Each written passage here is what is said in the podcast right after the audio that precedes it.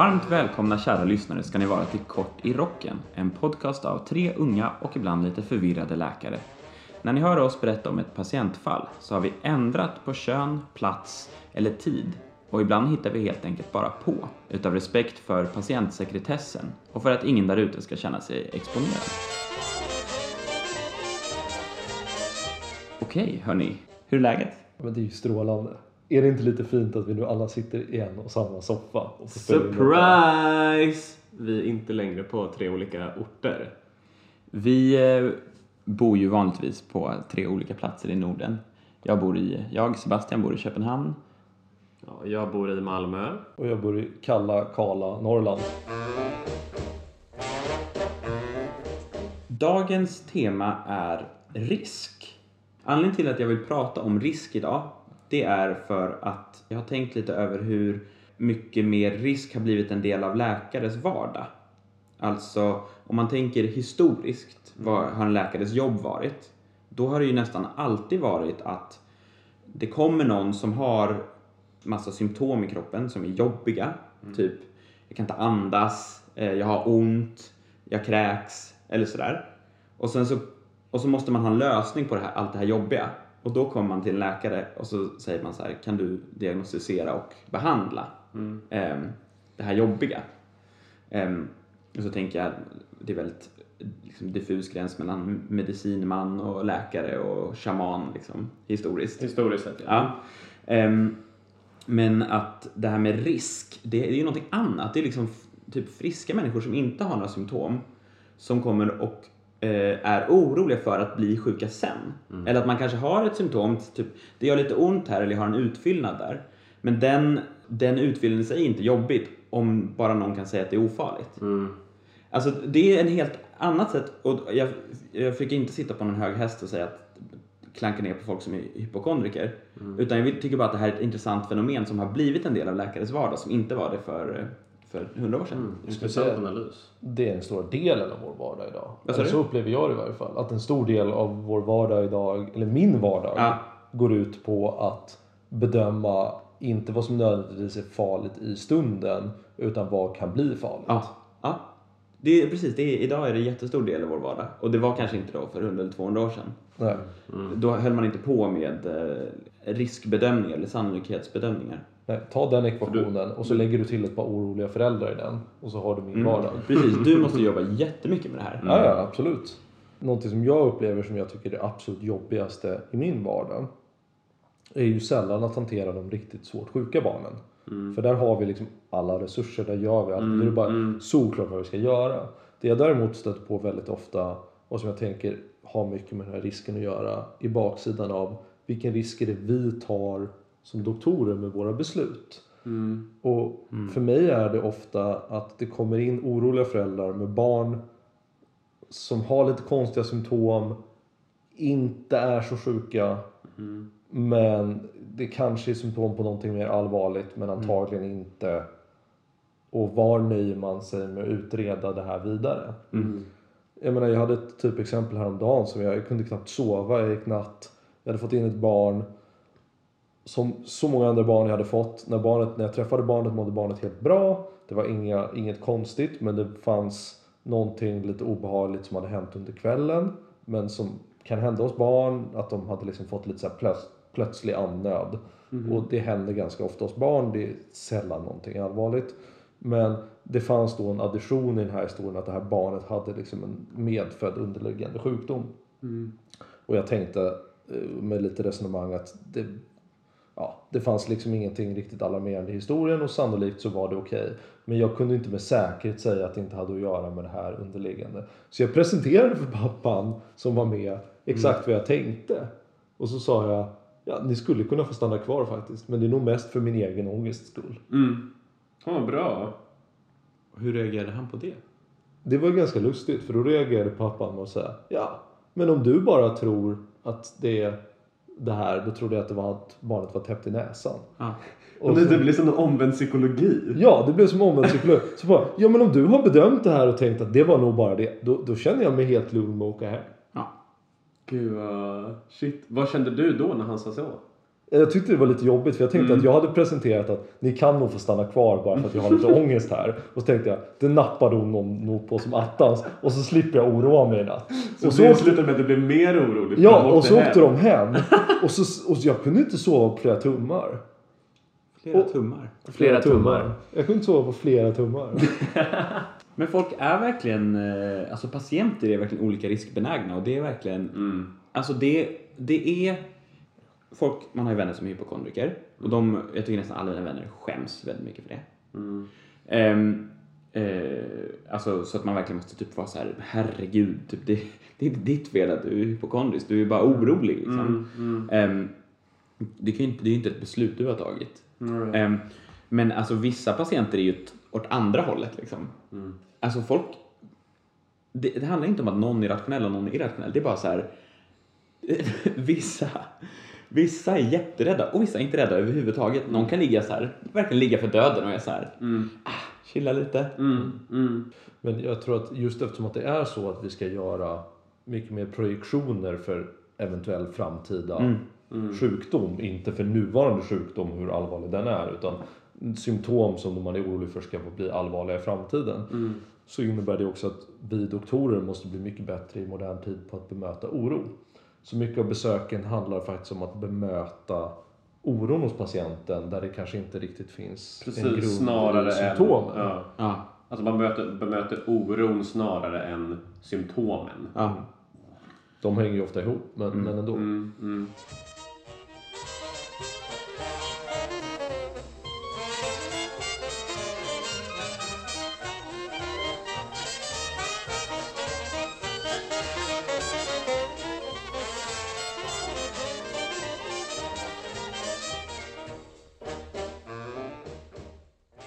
The outline för temat att vi ska först prata lite om olika definitioner av risk, alltså vad ska man säga, patientens definition och läkarens definition. Mm. Och sen tänkte jag att vi pratar lite om eh, den här nya rollen då som läkaren har, som vi redan har varit inne lite på. Och sen så tänkte jag ta ett exempel med det här med att ta prover och vad de betyder. Mm. Alltså vad betyder ett, ett positivt provsvar? Mm. Och sen tänker jag då om vi hinner så kommer vi också, först ska prata lite om en, en dansk läkare som jag tycker är väldigt cool.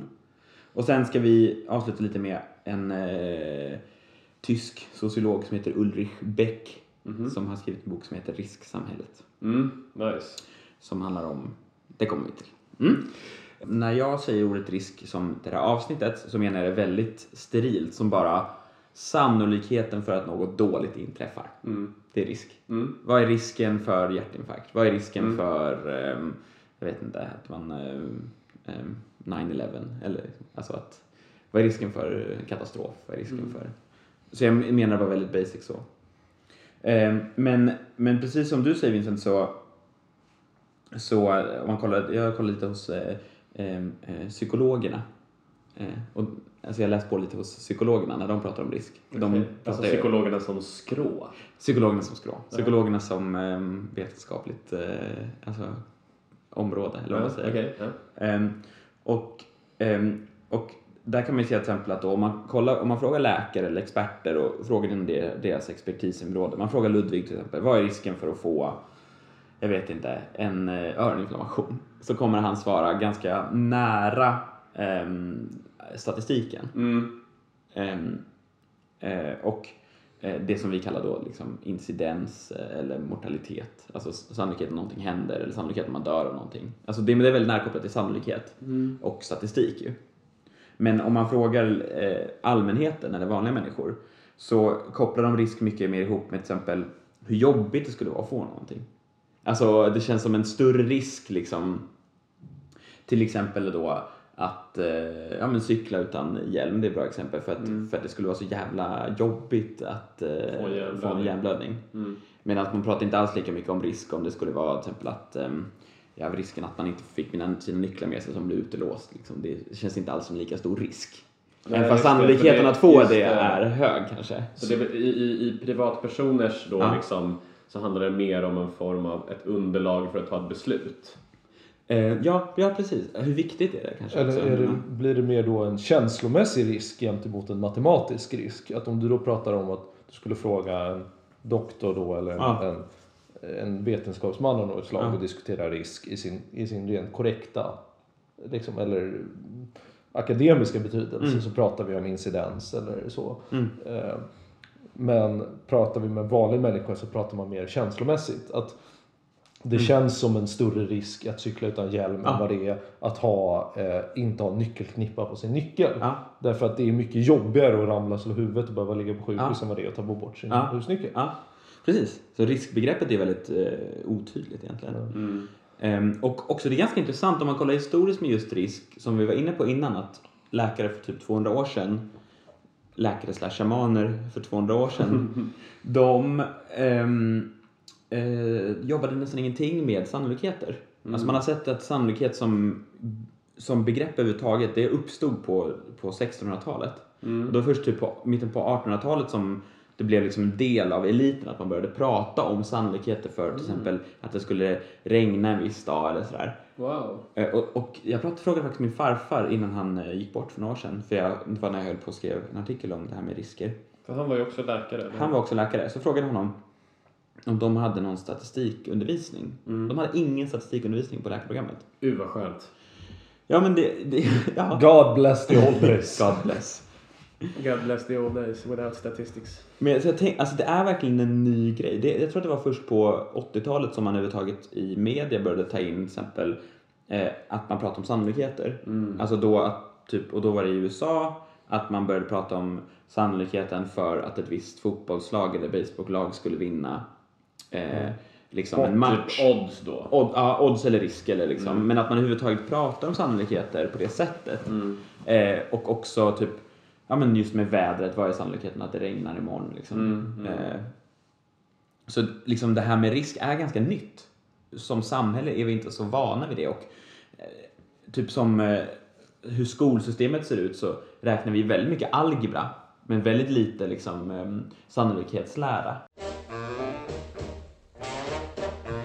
Men med eh, de här psykologerna då som jag har eh, läst på, de pratar om någonting som kallas för risk perception gap.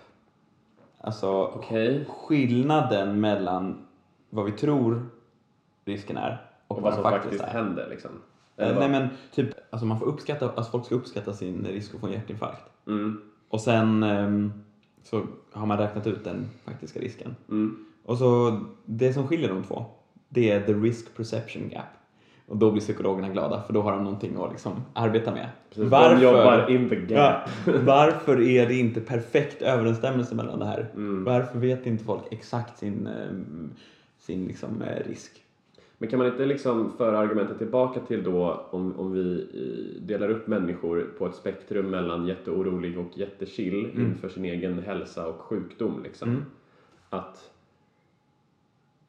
vil, vilka på det spektrumet har minst gap? Tror ni? Just det. Jag tror att generellt... Vilka är mest realistiska liksom? Ja, du, du, lägger ju, du lägger ju en värdering i det ordet som det är. Jag tror att människor generellt har en tendens att starkt övervärdera risken för sin egen sjukdom. För att det beror på hur den presenteras. Absolut.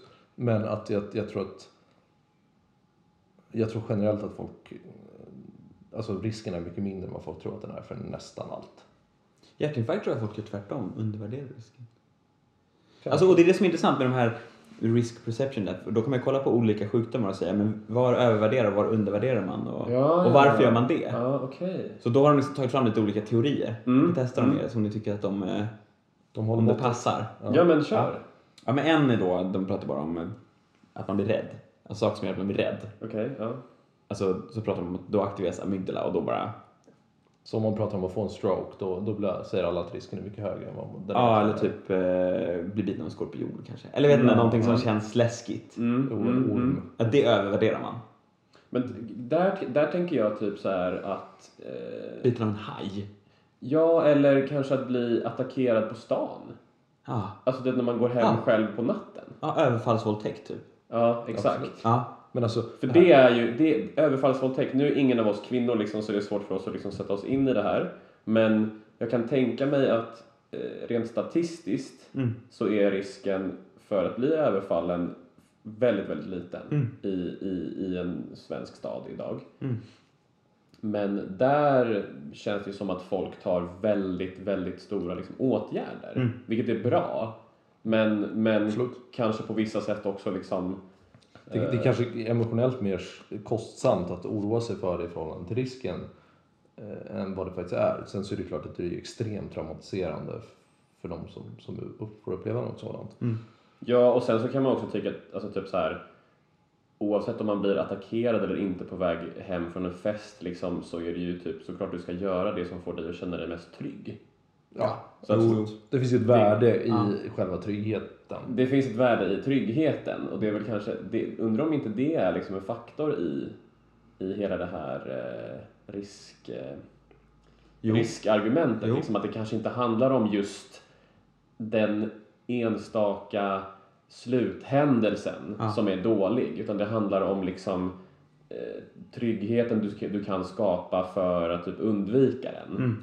Men alltså, problemet är att du kan ju också gå för långa sträckor. Och det här blir som en absurd jämförelse när vi pratar om överfallsvåldtäkter. Men för mig så var en väldigt stark grej är det här med att jag tycker att så här, giftiga djur och framförallt ormar är typ det läskigaste. Mhm. Och jag har ju varit ute och rest extremt mycket på massa konstiga platser i mitt liv. Och varenda gång så sitter jag och ångest-googlar massa ormar innan jag ska åka dit. Och även sådana här grejer som att jag kommer ihåg, jag hade var, var ute och reste i Borneos regnskog. Vi var långt ute, mitt ute i ingenstans. Men jag vågade inte ta mig ut på den här lilla båten för jag tyckte den låg för nära vattnet på den här jättehäftiga flodresan. Därför jag var för rädd för krokodilerna i vattnet. mm. Gud. Jag känner, Och- jag känner dig så mycket i det här. Och jag vet att vi, alltså jag var ute vid regnskogen, vi vandrade och vi lyckades faktiskt en av få som fick se liksom vilda orangutanger medan som fortfarande är det. Och jag var helt upptagen med att titta var jag skulle gå. För att jag inte skulle trampa på en fucking orm. Jag gick bara med ångest i flera timmar när vi gick där. Och alla andra gick och liksom letade efter mig. Och vi hittade orangutanger och jag fick liksom, okej, fan vad häftigt. Och sen måste jag titta ner igen. För jag var så jävla rädd för att trampa på en fucking orm. Mm. Och det är ju när den här riskkalkylen slår fel. Ja. När, när jag lägger alldeles för mycket fokus på den lilla, lilla risken som faktiskt är att jag skulle trampa eller bli utsatt för en giftig orm. För risken till att börja med är extremt liten. Ja. Och den för, förbättras dessutom att vi är flera människor som går i grupp och trampar på marken för att skrämma bort ormar och alltihopa. Men ingenting av det här äh, rationaliteten kan min, mitt känsloliv ta in. Nej. Mitt känsloliv ser bara en giftig orm och död. Och så punkt. Jag tänker, Det att det är, jag tänker att det är lättare att vara rationell som typ forskningsledare för en studie med 10 000 människor eh, där alla bara är siffror på en dator liksom. Visst, ja. Än om du då sätter den forskaren själv i Borneos djungler. Mm. Ska vi Absolut. se hur tufft du är? Mm. Ja. Precis. Så att det där, jag menar, trots att jag har varit ute och varit så jävla rädd. Jag har sett på en orm vid ett tillfälle. Och det var en snok. Nej, det var faktiskt en, en grön mamba. eh, Oj. I, det, var, det var på Borneo i och för sig. Wow. Men, Det men eh, eh, jag, jag kunde liksom hålla avstånd så det löste sig. Men jävlar vad panik jag hade då. Men då var du under covid? Nej, det här var tre, fyra år, fyra, fem år sedan. Sätter på munskydd och gick nära. Ja. Jaha, jag, gud jag läste inte ens skämtet. Gud, jag, jag hörde det inte ens. Men eh, det låter ju som att ni eh, köper den här hypotesen helt Ja, enkelt. Att ja. rädsla påverkar riskuppfattning. Ja, det- definitivt. Ja, nästa. Mm. Kahneman, er favorit. Mm. Psykologen eh, Dr. Kahneman. Mm. Var det inte ekonom? Som fick Nobelpris Jo, i eko- ekonomi. Ja, Men han är väl ändå psykolog? ja han är psykolog. Ja. Jaha, han är psykolog. Han är är, inte ekonom. Nog om Kahneman. Nåväl, Kahneman. Han har ju något som heter availability heuristic. Availability heuristic handlar om att vår riskuppfattning, alltså typ sannolikheten att du skulle säga risken att du dör av en hjärtinfarkt eller risken att du får en skorpionbett Mm. är väldigt beroende på hur nyligen du hörde om skorpionbett. Mm, mm. Mm. Så om det till exempel har varit en överfallsvåldtäkt Mm. så kommer alla att ehm, Ja. eh, överskatta den risken. Eller som nu när man kollar fotbolls-EM. Ja. Varje gång en spelare typ faller ihop Ja. så tänker man shit, det kan vara Ja. ett hjärtstopp Ja. liksom. På grund av Jättebra eh, exempel. det som hände med, med den här danska fotbollsspelaren. Men gud, det var exakt vad jag satt och tänkte på. För vi hade en så diskussion, eller intressant diskussion hemma precis när det hände. Det var ju så läskigt att han föll ihop och fick ett hjärtstopp på planen. Mm. Så satt vi vid middagsbordet efter i väntan på besked om hur det hade gått. Ja. 20 minuter efter det hänt. Och så sa vi, men det här är så läskigt för såna här saker brukar hopa sig. När någon faller ihop så, så kommer det flera på samma gång. Jag tror det var pappa som sa det. Mhm. Fem minuter senare skickade jag min kompis som vi precis shoutade ut, Sebastian Kristner, ett meddelande till mig. Det har fallit ihop en man utanför gatan här. Så skickade han en bild och frågade, vi väntar på ambulansen, vad ska jag göra? Och Ja, det, det, det här är ju någon form av, av priming. Alltså Ja. det har egentligen inte med saken att göra överhuvudtaget. Är Antagligen var det ju, den här mannen som hade fallit ihop där tror jag bara hade ramlat. Ja. Eller hade väl någon, något, han var väl full eller Ja. någonting. Mm. Men just på grund av att han hade antagligen också sett fotbollsmatchen. Så han blev orolig. Ja. Och han hör av sig till mig som antagligen är Mm. den närmsta läkarkompisen Just han det. känner. Ja. Så att då börjar det här liksom sprida sig Ja. och så primas alla till att tänka på, på det här utan att det egentligen liksom det statistiskt har ökat i antal eller Mm. någonting sånt. Men det är väldigt bra vad din pappa säger där för att det är precis det som jag menar också med heuristik. Alltså de här sakerna brukar upphopa sig. Det gör de ju absolut inte. Det är inte så att folk får Nej. mer... Alltså det är inte så att folk bara börjar falla, om, falla runt, falla Nej. omkull omkring en. Det är bara att man märker det. Alltså att Men man är, nu, är, är det heuristik? det är en heuristik liksom. Det är en heuristik? Ja, det finns många olika då. Det låter som att ni höll med om den här hypotesen också. Det gör vi. Alltså att den, att den är, Att det, på, finns? att det påverkar ens riskbedömning.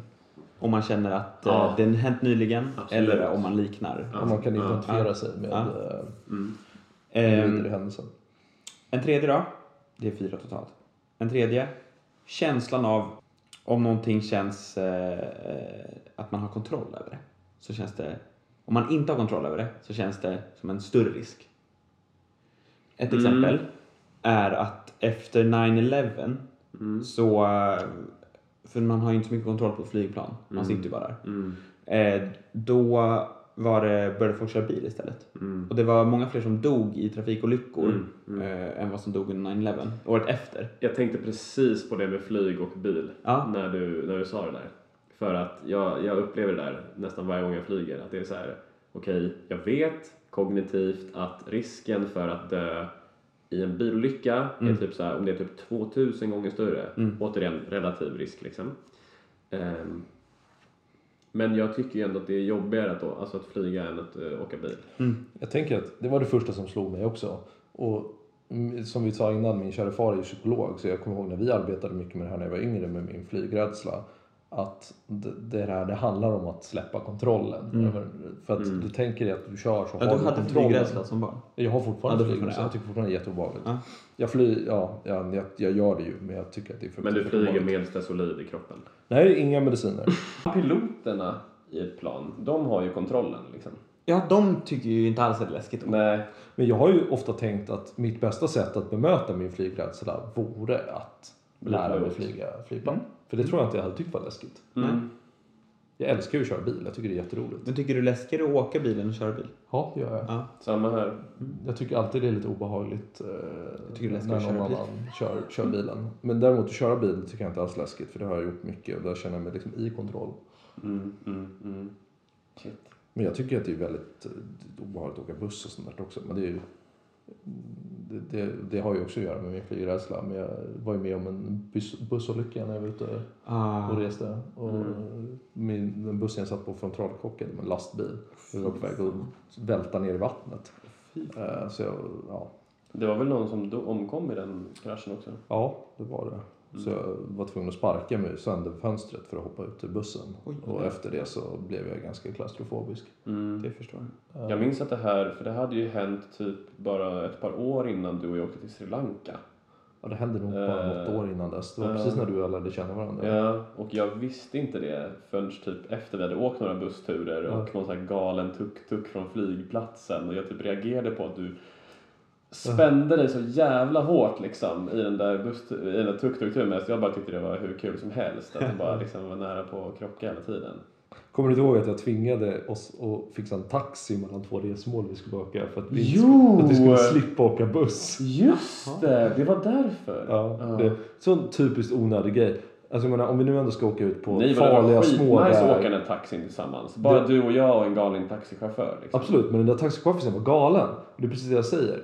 Oddsen att överleva om du är i en bilolycka är ju betydligt bättre i en fucking buss än i en liten Mm. bil. Mm. Om du är ute på små grusvägar på landsbygden i Sri Lanka. Mm. Så Men det är ju inte rationellt heller. Men frågan är då om man liksom går tillbaka till det här liksom värdet av tryggheten. För att visst, du kanske är irrationell som tänker att, du ö- att, att det är skönare att åka bil än att åka buss. Men jag mådde ju mycket bättre för jag slapp Exakt. på bussen. Du mådde ju bättre. Absolut. Så om du hade dött i den där bil, bilfärden. Så hade jag dött Du hade lycklig. dött, dött lycklig. Lyckligt ovetande som risken. Ja. Mm. Men vi hade en fjärde teori på G också, hade vi inte det? Ja, vi har en fjärde. Men ni är inne på något spännande ändå, tycker Mm. jag, det här med att målet kanske inte är riskminimering utan målet kanske är trygghetsmaximering. Alltså Mm. känslan. Men om någon kommer till läkaren och vill ha eh, en CT-scanning Mm. för att liksom kolla. Att målet kanske inte är för den personen att minimera sin risk att dö utan att det som driver den till läkaren är att den går runt varje dag med en jobbig känsla som den vill få bort.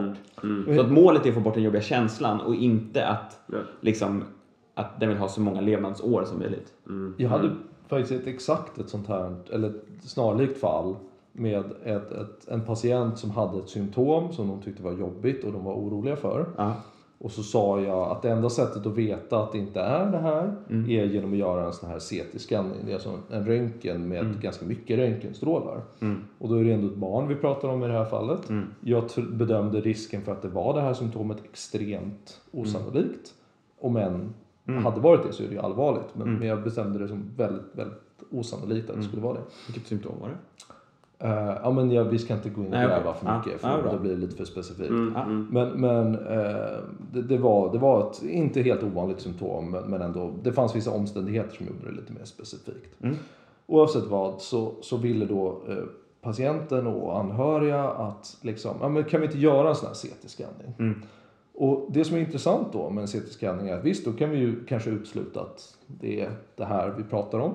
Men samtidigt, för varje CT-scanning du gör så ökar du faktiskt risken för att få en, till exempel en cancerdiagnos. Det är ju fullt med röntgenstrålar vi gör. Mm. Att- Radioaktiv strålning liksom. Precis, så att då om vi då tar ett barn, säg typ 15 år, Ja. så kan du då göra den här undersökningen Ja. och bemöta oron.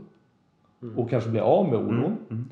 Eller, och men då samtidigt också öka risken på det långa loppet för Mm. att till exempel få en cancer. Mm. Var det någonting du sa till dem? Jag diskuterade faktiskt det här med dem. Mm. Eftersom att det gör vi nästan alltid när det är barn och det inte är sådär akut. Mm. Att det är liksom lite onödigt att röntga barn Ja. överlag. Jag har för mig att det är typ orsak, alltså att det är 400 cancerfall om året som Mm. är röntgenorsakat. Det kan mycket väl stämma. I USA är det 1% av all cancer. Ja. För de gör ju mycket, mycket mer CT-scanningar för att de har ett system som är byggt på, alltså juridiskt. Mm. På Att att typ, man, vill du ha en CT-scan och kan betala för den så får du den. ja, och också att läkarna hela tiden måste ha sin rygg fri. Mm. Så att man måste liksom... Eh, det viktigaste är att ha sin rygg fri. Även fast det är en minimal risk Mm. så är det liksom viktigt att man inte blir stämd. Mm. Så då 1% av all cancer är, är liksom orsakad av CT-scan. Det är helt sinnessjukt. Vad är det för sjukvårdssystem? Mm. Mm. Ja. Men frågan är ju då om man då säger att man gör den här undersökningen. Mm. Vi hittar ingenting. Mm. Har man då, då har vi bemött den här oron. Men den stora frågan är ju, det enda anledningen till att göra det då är ju för att öka livskvaliteten hos patienten, att minska oron. För du är orolig för den här sjukdomen, Mm. du med den här undersökningen som är farlig, men kan du ändå få svaret på om det är den sjukdomen eller inte. Gör du då eh, den, du säger nej det är inte den här sjukdomen, Mm. så kan du minska den specifika oron. Och kan du då avgöra att det duger så kan det bli jättebra för patienten. Mm. Då slipper jag oroa mig för att jag har min cancer här eller min tumör Mm. här eller Mm. whatever. Men då måste du också värdera in, är det här en oroligt lagd person? Mm. För är det en Mm. hypokondriker så kanske bara oron skiftar någon annanstans. Mm. Då kanske det är nästa sjukdom eller Mm. nästa fall. Mm. Och då har du egentligen bara utsatt patienten för mer risk utan att göra någon egentlig nytta. Ja. Mm. Det var, det var, jag läste faktiskt en sån studie i morse som kom i danska motsvarande till Läkartidningen. Mm. Där de hade testat att eh, eh, CT-scanna folk som, eh, som alltså bara på grund av eh, oro. Mm. Och de hade in, och med just ambitionen att kan vi minska oron på det här? Och de, de hade liksom inte lyckats få någon signifikant effekt på Nej. det. Säkert någon kanske som blev lite lugnare. Ja. Men, men generellt så är det ingen effektiv strategi att minska oro Mm, mm. Eh, hos patienter. Fan vad skönt att veta. Det Ja. här ska jag ta med mig. Ja. Ni som är eh, doktorer då, har ni någon egen sån här irrationell oro? Att säga, jag har den här sjukdomen. Alltså jag har haft i perioder. Men det har liksom på något sätt alltid eh, bara liksom ebbat ut av sig själv. Typ, jag, hade, jag var ju rätt orolig där att jag hade liksom något fel på hjärtat för jag hade extra slag liksom rätt, rätt frekvent och det var liksom jobbigt när det bara så här hoppade till i bröstet och nästan kunde väcka mig på natten liksom. Att så här, sådär. Så att jag skickade en remiss till, eh, så här, egen remiss till hjärtmottagning så kom jag till någon så här sjukt erfaren hjärtläkare och han bara så här, ja det här kunde du ta på vårdcentral liksom men, eh, men, men nu är du här liksom. Och där, bara liksom av att typ bemötas av det, eh, vad ska man säga, den casual attityden Ja. gjorde att jag kände så här, ja men jag får väl helt enkelt lita på hans kliniska blick Ja. liksom. Eh, och, och tänka att, men så att, så att jag har haft det i perioder men eh, det har alltid bara försvunnit av sig själv liksom. Mm. Jag har, ja, jag, jag skulle nog säga att jag är rätt så ängsligt lagd liksom. Men det, det är ofta så förknippat med, typ ibland så kan jag bara få för mig att så här, någon av mina nära familjemedlemmar ska dö liksom. Under några dagars tid, sen försvinner det. Mm. Mm. Så jag vet inte hur det är att leva med liksom, hypokondri.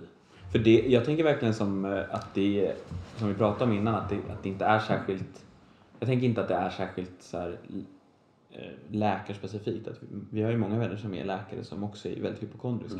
absolut. Det bara är, att man bara är olika liksom. Ja men alltså, och, och, och under typ preklin, alltså de terminerna när man bara läser teori och inte har så mycket praktik. Ja. Alltså när man läste om alla sjukdomar, man trodde har man hade alla allt. sjukdomar. Ja. För Det det är, alla liksom, symptom det är liksom på... ingen, ingen klyscha, det är Nej. sant. Ja. Alla trodde att de hade liksom cancer. Eller jag trodde ju inte det. Jag, jag har inte så mycket, jag har, jag har inte så mycket sjukdomsångest. Men det här tror Men jag fick, var, det no, var det någonting, var det någon, någon, någonting vi läste om liksom, du, som du kände oj det här kan jag kanske ha? Liksom. Nej, alltså jag har ju ångest mellan klockan fem och klockan sju på morgonen. Om jag råkar vakna den tiden så vaknar jag alltid med ångest. Okej, Eller- fan vad Sen är du Ja. befriad. Ja, men sen är jag befriad. Jag går Men upp och alltså- äter frukost, sen är jag befriad. Men, men jag, nej, jag tror faktiskt inte jag var orolig för någon enda sjukdom Mm. under hela preklin. Jag tror att preklin ångest vi hade, då för att förtydliga än en gång, det här är alltså terminerna i början av läkarprogrammet där man bara sitter och läser i böcker om all cellbiologi och alla sjukdomar och Mm. allting utan Mm. att ha träffat en enda patient, utan att Som veta faktiskt någonting. lider av det här. Liksom. Ja. Ja, och då får man ju för sig varenda gång man läser om symptomen av sjuk, konstiga sjukdomar att man har sjukdomarna. Mm. Men det här tror jag är exakt samma sak som, som Google-symptomen. Alltså det här är vad vanliga människor gör när de googlar sina symptom. Ja, ja. Alltså då får de fram samma sak som vi satt och läste om i preklin Mm. och får för sig att det här har ju jag. Mm. För att alltså, de vanligaste symptomen på nästan alla sjukdomar är så här, trötthet, Ja. huvudvärk, eh, feberkänsla eller liksom sjukdomskänsla. Googlar du på det, du får ju bara upp cancer, blodsjukdomar, Hjärtinfarkt. Ja. hjärtproblem. Mm. Alltså, det är superallvarliga grejer. Mm. Medan de absolut vanligaste är ju typ så här, lite dålig sömn, Ja, dåligt precis. matintag, Mm. eh, Bakfull. bakfull. Ja, eller bara typ vara människa. Ja. Alltså, det vet jag tänkte på uh, igår. Så hade jag ett litet hypokondriskt moment. Ja. För då stod jag och pratade om, jag stod och pratade med en patient som hade fått bröstsmärta. Ja. Eh, och eh, så stod jag och pratade med henne och under samtalet Ja. så kände jag själv hur det liksom bara så sög till i bröstet. Ja. På ett så här sätt, och det var typ så här, det var kanske lite sådär, och jag tänkte inte alls då att jag hade jobbat i 16 timmar i sträck och var skittrött liksom. För då var det bara så här, ah, något akut är på väg att hända, mitt hjärta kommer stanna liksom, eller min hjärna kommer liksom Ja. explodera. Och så, skö, så sköljs man över av ångest. Ja, Sån alltså man, ångest, man, man eh. blir så jävla orimlig i, där och då. Och sen, eh, ja, Har jag sen kom berättat- det ikapp mig. Ja. Så gick det bra. Har Det jag gick berättat- bra, I'm still here. Min poäng var att så här, kroppen gör konstiga saker from time to time. Alltså den bara är weird. Ja. Det, är liksom, det krävs otroligt mycket för att den ska bara behålla någon form av status quo liksom. Ja. Så att det liksom sög till i bröstet där, eller du vet att man så här... Ja, och även liksom när det gäller det mentala liksom. Att man har sina dagar, alltså kroppen har sina dagar. Mm. Och det kommer hända konstiga saker och, det, och det, är så, det är så sjukt egentligen att vi har den här uppdelningen mellan liksom det som är friskt är det som 100% funkar hela tiden. Ja. Och sen är allt annat typ lika med sjukdom. Ja. Men så är det ju inte. Utan det är ju liksom en väldigt, väldigt nyanserad skala. Mm. Där de här liksom, du vet, så att, men det här med att man plötsligt bara kan få typ ont i en tå. Ja. Från ingenstans. Man bara, ser jag någon som typ stampar på min tå? Nej. Varför gör det ont liksom? Mm. Men det var, the body be like that. Okej, vad har vi gått igenom? Tre av fyra Tre, fyra. Den, eh, en fjärde då. Ni ska testas i, i den fjärde. Ni ska testas i den fjärde hypotesen. Eller ni ska testa den fjärde hypotesen. Mm. Det är politisk hållning. Mm. Alltså ens politiska hållning skulle påverka. Alltså att, och politisk hållning så menar jag inte det i, i form av så här. Alltså då menar jag i form av så här. Typ klimatförändringar. Mm. Att beroende på vilka du ser som dina vänner och den gruppen som du liksom måste Sympatiserar med. Eh, Ja, liksom typ om du ska vara, om du ska vara del i den här kyrkan i, det, liksom, i bibelbältet i USA. Mm. Då kanske man måste ha en viss hållning till klimat, Till klimatet ja. Mm. klimatet. Och tvärtom om du ska liksom hänga på Söder Mm. i Stockholm så kanske man måste ha en annan. Mm. Mm. Ehm, och att det då också påverkar liksom ens uppfattning av risk. Men har du något exempel där? För den har jag lite svår att Ja, men då tror jag relatera jättebra exempel det som vi pratade om redan, alltså överfallsvåldtäkter. Mm. Eh, typ eh, alltså våld från liksom någon eh, kriminell. Mm. Ravekultur, droger, kan det vara något sånt? Ja. Det, det är väl en bra sak. Till exempel hur man ser på, på droger och medicinska konsekvenser. Alltså både somatiskt, då, alltså kroppsligt och psykologiskt av Ja. droger. Så kan man ju se av, av den kanske mer vänsterriktade kulturen i Sverige, återigen typ söder mellan, så har man ju väldigt liberal syn till droger. Man tror inte att det påverkar det psykologiska så mycket. Man tror inte att det påverkar det kroppsliga nödvändigtvis så mycket.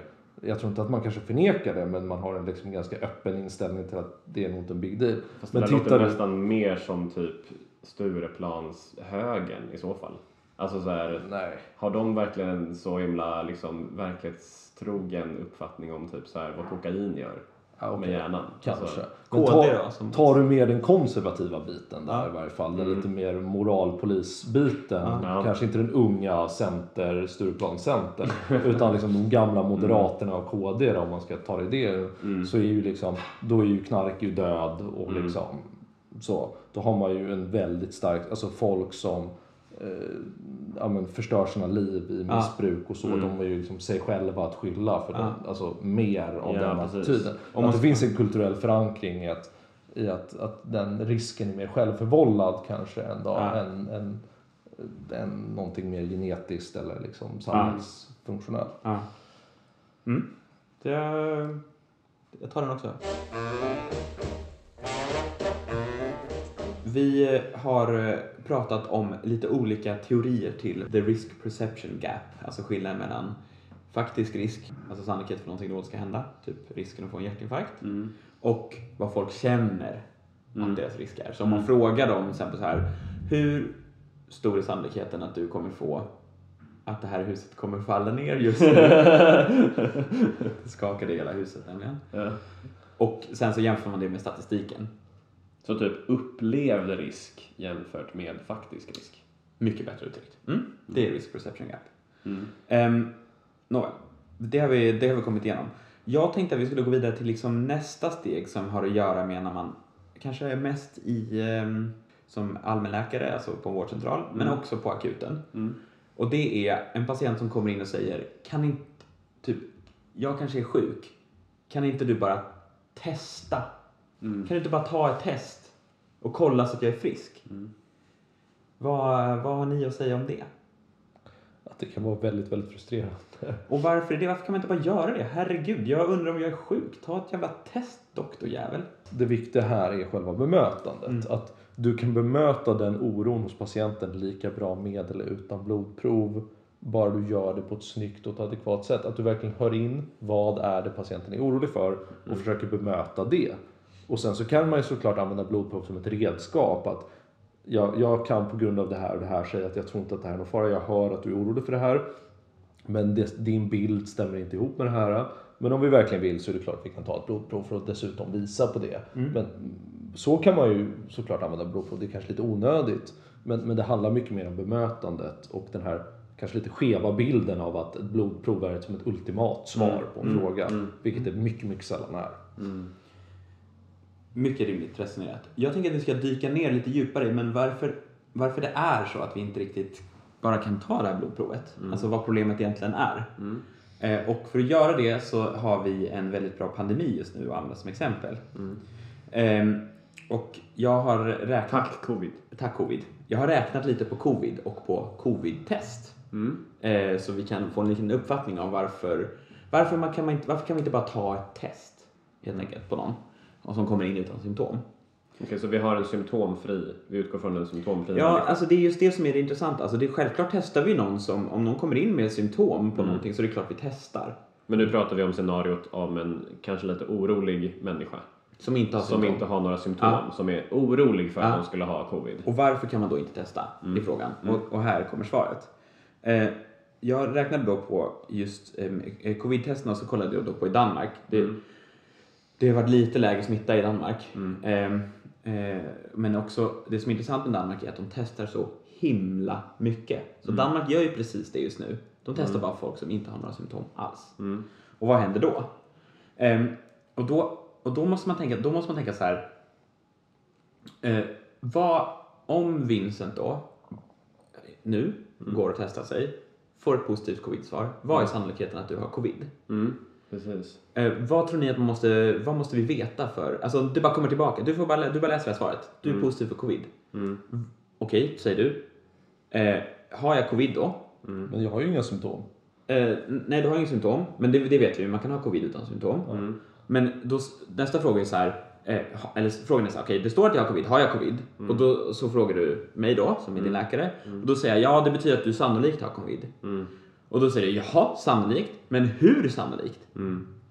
Och då ska jag ge dig ett svar på hur, hur stor sannolikheten är att du har covid. Mm. Vad tror ni man måste veta för att kunna ge det svaret? Är det nu vi ska börja prata om eh, eh, vad heter det? Sensi- Pos- posit- sensitivitet. sensitivitet och specificitet men PPI och MPI eller vad Ja. heter det? Positive Predictive Value eller vad Ja, det heter. de första två, det har att göra med själva testet. Mm. Och det, det handlar om hur bra är testet på att eh, hitta covid Mm. och hur bra är testet på att utesluta inte covid. Det är liksom de två grejerna. Mm. Och vad är den sista grejen som är viktig som jag måste, för jag ska, jag ska svara Vincent här på vad är sannolikheten att du har Mm. eh, covid. Vad är den sista grejen som är Ja viktig? men att om vi nu har hittat covid, hur sannolikt är det att det faktiskt är covid? Eller? Mm, det, är det, jag ska, det är det jag ska svara på. Men det är en tredje liksom, aspekt. Och när man ska räkna ut PPV som vi pratar om då. Alltså Vincent frågar mig, har jag covid? Mm. Jag säger, ja det beror på testets känslighet, eh, eh, Testets träffsäkerhet. träffsäkerhet och så beror det på en tredje sak. Har det också med testet att göra? Ehm, nej. Det har Fan nu är jag förvirrad. Ja. Men eh, har det något att göra med liksom, typ om jag har varit i kontakt med någon annan som har covid? Alltså är det något sånt? Liksom? ja, det kan man säga. Ja. För att det det har att göra med det är vad är, sannolik, vad är prevalensen av covid? Hur stor sannolikhet är det att du har covid oavsett om vi har tagit test eller inte? Mm. Så till, till exempel så här, om vi hade en isolerad ö i världen just Ja. nu där covid inte hade kommit fram och så testar du hela den befolkningen Ja. så kommer du fortfarande få några positiva tester. ja. Finns det några enkla eller sammanfattande namn? För visst är det no de två första du nämner, det är det vi brukar kalla för sensitivitet Ja. och specificitet. ja. Och den sista är prevalens. Och det sista är prevalens. Prevalensen av en sjukdom, alltså hur ofta den sjukdomen förekommer i befolkningen, eller hur stor sannolikhet det är att Vincent har covid bara när jag ser honom som en random person på gatan. Det spelar väldigt stor roll eh, i, i, i, hu- i huruvida jag kan använda testets svar eller inte. Och här ska jag ge ett exempel då.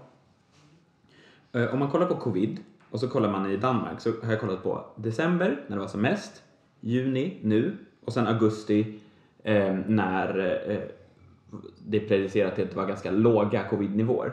Alltså du har, de har gjort någon prognos för augusti. De har gjort en prognos för hur många det kommer vara i augusti. Eh, testets, liksom, covid-testets sensitivitet och specificitet, den ändras inte. Nej. Det är samma. Men eh, prevalensen ändrar sig. Mm. Så eh, om ehm, du testar positivt i, i december Mm. så ligger sannolikheten att du har covid mellan, eh, mellan f- f- här, eh, 43% och 97%. Oj, vilket spann ändå. Ja, men om vi säger någonstans där i mitten då, för det här är bara tagit ett ganska brett intervall. Mm. Så säg, om vi, om vi tar i mitten så typ om du testar positivt för covid och det är i, och det är Danmark i december så är det 80% sannolikhet att du har Mm. eh, covid. Mm. Okej, det är ändå ganska hög sannolikhet. Och nu, fort, nu utgår vi fortfarande från att jag är symptomfri, eller hur? Ja, nu är du, du är symptomfri. ja. Precis. För, ehm, och i juni nu så har det här fallit till ungefär 60% sannolikhet Mm. att du har covid. Så testar du positivt så är det bara 60% sannolikhet att Wow. du faktiskt har covid. Och om man kollar i augusti så kommer det ligga på ungefär 40%. Oj, oj. Så om du testar positivt, om du bara går, för i Danmark så går alla bara och testar sig. Mm. Och om man vet du, bara plötsligt blir positiv så är sannolikheten större att du inte har covid. Mm. Och varför, varför är det här? Det, det har att göra med att ett covid-test kommer någon gång randomly att säga positivt fast personen inte har covid. Och det har att göra med att eh, det kan bland annat, det är många olika skäl, men det kan bland annat göra med att testet reagerar på ett annat virus som du har i kroppen och tror att det är covid. Just det. Det händer extremt sällan. Det händer typ en på tusen eller en på tiotusen. Mm. Så liksom om du testar en befolkning där ganska många har covid, där typ så här 10% har covid, typ folk som kommer in och, och har covid-symptom, då kommer det här felet att ske, alltså det sker ju ändå så pass sällan, så att det spelar inte så stor roll. Men om du testar en miljon människor där liksom nästan alla, så 990 000 av dem, inte har covid, då kommer det här felet, trots att det bara sker en på 10 000, Det kommer så, anhopa sig. Liksom. ja, så anhopar sig det felet och det felet blir liksom eh, lika stort eller större än gruppen av de som faktiskt har covid. Just det. Så att ju färre som faktiskt har covid, desto större roll kommer de här Felen att spela. fel- felen att spela. Ja. Mm. Och då kan man ju titta då på skillnad i Danmark där man har testat väldigt brett Ja. hos folk som inte har symptom. Så, Ja. så kommer ju den här uh, sannolikheten att du faktiskt har covid med positivt test vara mycket lägre än vad det kommer vara i Sverige. Där vi till exempel uppmanar alla att gå och testa sig när man väl har symptom. Precis. Det här är ett mycket större problem i Danmark än vad det är i Sverige. För Ja. Danmark testar typ 20 gånger mer Mm. än i Sverige. Eller är det kanske 10 gånger mer kanske de gör i alla fall. Men, på, på, vil- på vilket sätt blir det här ett problem för Danmark? Då? Eh, det blir ett problem för Danmark, eh, alltså det blir ett individuellt problem för alla som måste gå i isolation trots att de, det var bara ett testfel. Och är det tillräckligt många så blir det ju en stor samhällskostnad att ha. Det, det blir en stor samhällskostnad i att de- inte kan gå till jobbet och bla bla bla. Men jag tänker att det blir lite större problem kanske på sjukhuset där vi måste isolera alla som kommer in och testar positivt för covid. Mm. Alltså, alltså för, sjuk, för sjuk, alltså det pressar ju sjukvården väldigt mycket att vi måste hålla på och isolera. Hur ska vi hitta enkelrum till allihopa? Eh, man måste också, en sak är ju också att det kan bli att de, vi lägger ju in på alltså, fler rum. Alltså då läggs de in med andra med covid ju. Mm. Så att om, om man råkar göra det felet och det blir fel och man inte har dubbeltestat dem. Om du inte hade covid innan så Om du inte hade covid innan så får du det nu. Ja. Ehm, så, eh, ja men känner ni att det klarnar upp lite mer med den här testgrejen då? Varför man inte så bara ska ta ett test på någon som är, inte har några symptom alls? Mm. Om sannolikheten är extremt låg så kommer sannolikheten att testet gör fel Var större. ja, har liksom anhopat sig så pass mycket Mm. att, Mm. att ett positivt resultat plötsligt inte säger någonting. Men hur fan förklarar man det för en patient? Men jag tänker att det här återkopplar till just det att man säger att testen är inte användbara om sannolikheten är för låg att du har en sjukdom. Vi började Ja. ju prata Ja. om en patient som kommer att ta ett blodprov var för att förklara sin sjukdom. Ja.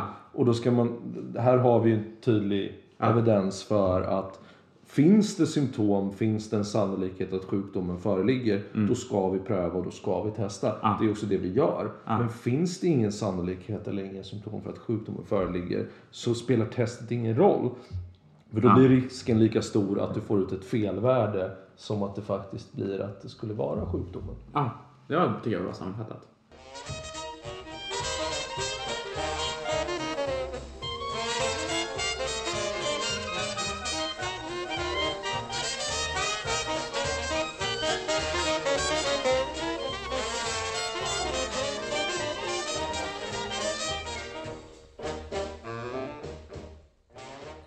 Läser en, en dansk eh, eh, läkare som heter Mårten Soderman. Han jobbar på invandrarmedicinsk eh, klinik i Odense. Han pratar om något som jag tänkte vi kunde prata om senare som heter han pratar om sårbarhet alltså, hos patienter. Att man pratar om dem som sårbara i Danmark. I, i, vad använder man för ord i Sverige? Sårbar patientgrupp, säger man det? Det kan man Ja. absolut säga. Ja, ja. alltså, Mm. Utsatt för en ökad Ut- risk. Ja, ja. Mm, utsatt kanske man Utsatta grupper kanske Mm. man pratar om. Men han pratar i alla fall om det som det här temat för dagen är. Den här läkarens arbete som riskkonsult. Mm. Om vi ska kalla det det. menar han, det är verkligen någonting för den utbildade patienten. Just det. Och att det, han säger nästan, det behövs nästan en, liksom en läkarexamen och en påbyggnad i statistik för att kunna, för att kunna se skillnaden mellan liksom scam på engelska, alltså inte scam, vad heter det? Alltså fake... eh, Lurendrejeri. lurendrejeri eller, eller liksom riktig medicinering. Mm. Och, eh, men att det är väldigt svårt för vanliga patienter att liksom begripa det här och så ska man då komma till sin läkare och så ska man få en riskkonsult som ska ge en liksom... Jag tycker det här är svårt att begripa Ja, som men det är läkare. jättesvårt. Jag gjorde statistiktentan tre gånger. Ja, ja men det, det är väldigt svårt. Och det är, det är en väldigt sån i- intressant eh, eh, roll. Han skriver så här. Eh, Risiko är blevet lägens värm... Nej, det kan jag inte göra på danska. Ja, du får nog Du får översätta. Eh, risken har blivit läkarens varumärke, men riskförståelse är för de högt utbildade och de väl, inom parentes, överinformerade. Medan de sårbara sk- eh, skräms ännu längre bort av falskt positiva, lågdosis CT-skanningar, screening av sjukdomar de aldrig hört om, fem års överlo- överlevnadsprocenter, relativa absoluta riskestimater och otillräcklig patient, eh, eh, otillräcklig eller för mycket då, eh, patientinvolvering i just riskbeslutning. Mm. Och alltså, ja, man tappar bort de flesta. Men det tycker jag är tydligt även med patienter man upplever att patienter med akademisk bakgrund, självpålästa, de vill vara väldigt involverade i besluten. Ja, De vill bedöma risken, de vill höra de olika alternativen, de vill förstå och ibland adekvat, för de kanske har någon vårdutbildning ja, eller har en, är insatta i ämnet och ibland lite också oadekvat. Att de tror att för att jag har en juristutbildning eller Ja. en ekonomiutbildning och, och hög intellektuell funktion kan förstå mig på allt det här fast det egentligen handlar om någonting som de inte har någon aning om. På samma sätt som att jag inte förstår juridik på den nivån eller ekonomi på den nivån som de skulle kunna prata om. Ja, men Eh. också, och både det, men även, alltså, även om du har en patient som är läkare som kommer till dig och så ska du diskutera till exempel om den ska ha en statinbehandling då för att minska risken för hjärtinfarkt. Ja. Så är det svårt som människa att bortse från de här faktorerna som vi pratade om tidigare. Det här rädsla, att man har hört om någonting ny, eh, nyligen. Eh, vad var det mer vi pratade om? Kulturell eh, ankoppling eller Ja, och känsla av kontroll. mm. Att man är, man är liksom mänsklig och när man ska översätta, alltså en sak att vara expert och prata om grupper och olika risker för olika saker. En annan att prata om sig själv och vad ska jag göra? Det tänker jag väldigt tydligt med det här med vaccin, när man ska ta vaccin för covid. Det är så svårt. Det är så svårt när man lägger över beslutet på den enskilda individen. Och jag tänker att det här, för mig, från mitt perspektiv, alltså så här, utan att säga vad som är rätt och vad som är fel, och utan att försöka sitta på någon hög häst, alltså igen, jag försöker verkligen inte säga det, jag försöker bara så här, säga vad jag ser. Ehm, så, så, så upplever jag det här som en, en, en ideologisk, liksom, ehm, att, det, att det är en ideologisk idé att ju mer valfrihet, ju bättre. Alltså ju mer beslut som patienten får ta själv, ju bättre. Eh, och att det kanske inte riktigt eh, är så enkelt att, att ju, ju, ju, ju mer beslut man kan ta om sin, om sin egen liksom, hälsa, ju bättre kommer det bli. Nej. Det är ju väldigt ångestframkallande att behöva besluta sådana saker och lägga det i sina egna händer. Ja. Du tar ju själv upp vaccin här, vi pratade om det i vaccinavsnittet också. Men jag tror att hade man frågat sådana mammor eller pappor som sen beslutar sig för att inte vaccinera sina barn eller tro på de här vaccinpropagandan om att vaccin är farligt och så vidare. Så hade du frågat dem innan de skaffade barn, tycker du att andra barn ska vaccinera sig? Ja. Så tror jag att de, ja, ja, det tror jag många hade liksom stått bakom. Det låter väl som en bra idé. Det verkar ju ge en bra samhällelig funktion och så vidare. Men när det kommer till att du ska ta ett aktivt beslut om att vaccinera ditt eget barn. Mm. Då är ju inte risken för de här konstiga sjukdomarna du aldrig hört talas om den mest påtagliga risken. Nej. Utan det är att ditt barn ska få en skada som du har läst om på sociala medier av, av själva sprutan. Mm. Att du tar ett aktivt beslut som förälder. Att så här, det blir du som skadar ditt barn då. Ja, Fast då så blir du ansvarig. Precis, så fungerar det ju inte i verkligheten. Men det är så du upplever Så det känns det ju. känslomässigt. Ja, och så känns det för alla. Liksom, oavsett om man är högt eller lågt liksom, eh, akadem med akademisk Absolut. bakgrund så ska du välja om man ska ta Pfizer eller Biontech eller om man nu ska ta eller liksom eh, AstraZeneca Mm. eller vad det nu är. Så just att det är du som tar beslutet. Eh, jag säger inte att det är rätt eller fel, jag säger bara att det påverkar hur det känns. Det, man känner sig ansvarig över någonting. Som, som egentligen ligger... Det, jag, jag kan inte vara ansvarig för huruvida min, alltså vaccinet ger mig en inte. Kan inte jag, jag kan inte veta det. Nej. Nej. Alltså det är otroligt svårt att lägga det på folk så att de ska vara ansvariga över det. Vi har ju ofta patienter som kommer in och krävande och vill veta mer och vill förstå och är ivriga och veta. Medan du har patienter som kanske mycket till grund av sin missbruksproblematik inte är så oroliga för riskerna. Utan de vill helst komma därifrån, de vill inte vara i vården. De kanske vill komma tillbaks ut och kunna fortsätta sitt missbruk i värsta fall. Och, men av, av olika skäl liksom inte är så oroliga över riskerna. Och där är, där är svårmottagligt. Men alltså, jag säger att om jag säger till en mamma, ja men det finns en risk att ditt barn kommer dö om ni åker hem. Det finns ju inte en förälder som åker hem. Ja, det är sant. Ja, det är sant. Så det måste ju bedömas mot motparten. Ja. Ja, det har du rätt i. Men, det, men jag tror också att det är viktigt att, som vi poängterat, så att säga att så här, det här gäller alla, även när läkare själva är patienter. Det handlar inte om att säga så här, ni fattar inte risk och vi gör det. Utan att det är någonting när, man, när det handlar om mig så blir man bara dålig på att bedöma risk. Och alltså att när jag kommer när jag blir sjuk så vill jag inte att läkaren ska ge mig, alltså jag vill inte vara min egen läkare. Jag vill komma till någon som tar hand om mig och som gör en liksom, riskbedömning utifrån dens liksom, expertisposition. Ehm, och sen så vill man ju självklart få, få ha någon form av medbestämmande och kunna så här, relatera saker till, ja men det kanske är det, det, det kanske är olika viktigt för mig eller för någon i en annan position, vad man ska ta för behandlingen och sånt där. Men, ehm, men i alla fall, det här, går, det här tar oss ändå över till, till nästa steg, vilket är det här Ulrich Beck då. Han har en bok, jag tror han skrev på 70 eller 80-talet. Han pratade om det som, kallas, det som han döpte till risksamhället. Och, och risksamhället menar han då att tidigare liksom, politiska engagemang har handlat väldigt mycket om att skapa ett nytt samhälle. Alltså skapa någonting annat och då så tidigt 1900-tal är det väldigt bra så exempel på alla olika ideologier som har liksom nu ska vi skapa den här ena utopin efter den andra. Men att med andra halvan av 1900-talet enligt honom då, den här ty- tyska sociologen, så har fokus i politiken mycket mer kommit att handla om risker och riskminimering.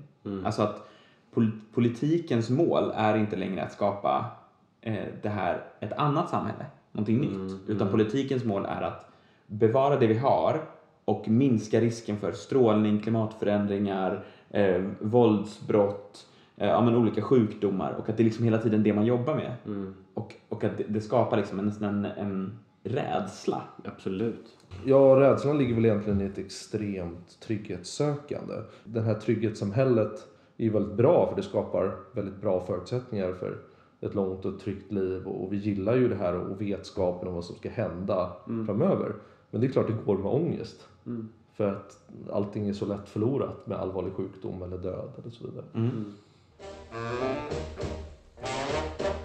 När det kommer till eh, dödsstatistik Ja. i Sverige, typ så här medierapporteringen kring bröstcancer eller lungcancer eller em, hjärtinfarkt eller självmord.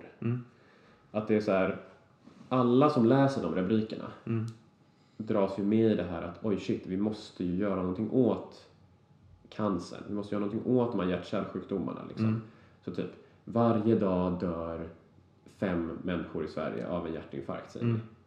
Ehm, Eller varje dag eh, så tar en människa livet av sig. Eh, liksom, vi måste stoppa det här. Och det, det, kan alla, det tåget kan alla hoppa på. Sen, om du typ i media skulle säga varje dag dör eh, 500 svenskar. Fast du säger inte vad de dör av liksom. Då känns det typ så mer naturligt, kan jag tycka. Ah. Att det blir mer så här, ja, alla dör. Ja. För det blir liksom, men det, men det är som att vi i det här, jag vet inte om det kanske kopplas lite till det här risksamhället för att det handlar mycket om att liksom hitta, vad är källan liksom? Vad, vad, vad dog patienten av? Eller Mm. vad, vad, vad berodde den här bilolyckan på? Liksom? Att Mm. man hela tiden försöker liksom analysera det. Men om du så slår ut det på ett år så dör det någonstans, om det var typ kring 90 000 svenskar. Mm.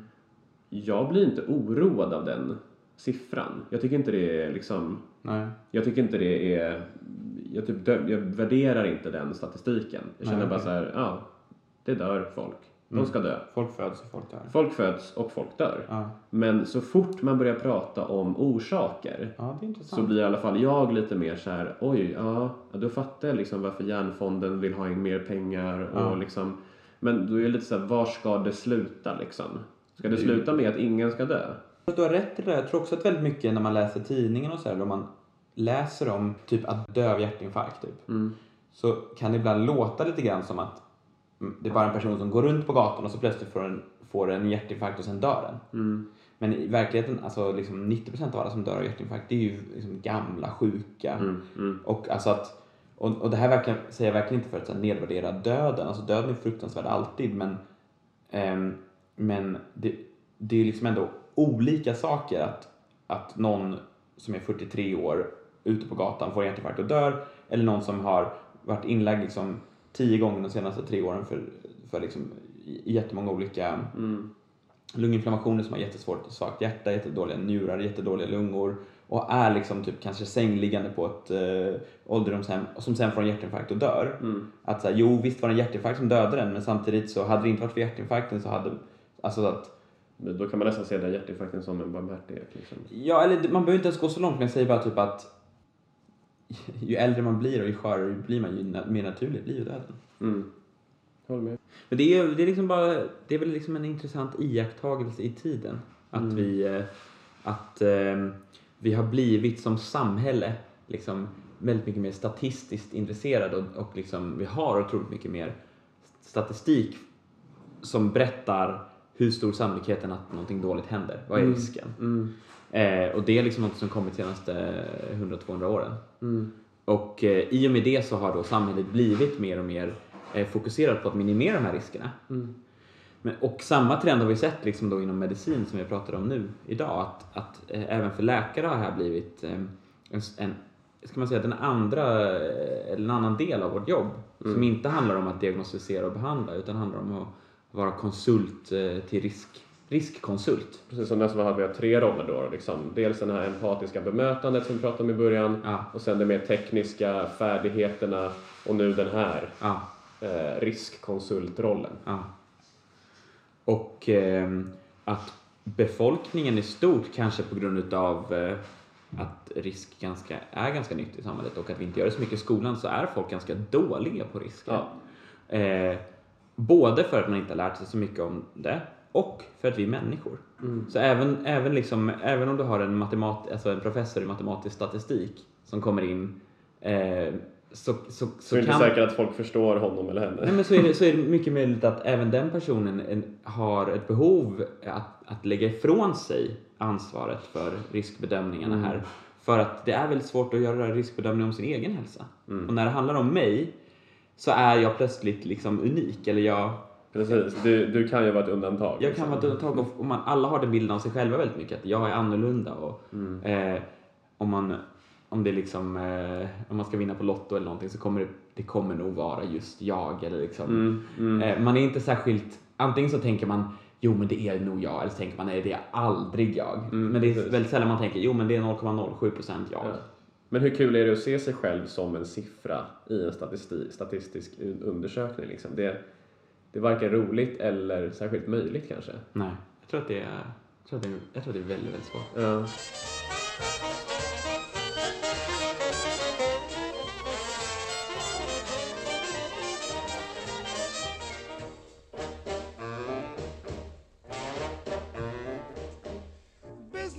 So good with him, he wrote home to say, Send Pasquale, Nick, and Jim, I need help right away. When he got them in the store, there was fun, you bet. Someone asked for bananas, and then the whole quartet. Oh, yes, we have no bananas. We have no bananas today. And the carrots. And celery. And olives. But we got no bananas today. Who asked you for bananas anyway? Who asked you? I only want a hot dog sandwich. Hot dogs are better than bananas. I always say, ain't it? Oh, yes. We have no bananas. We have no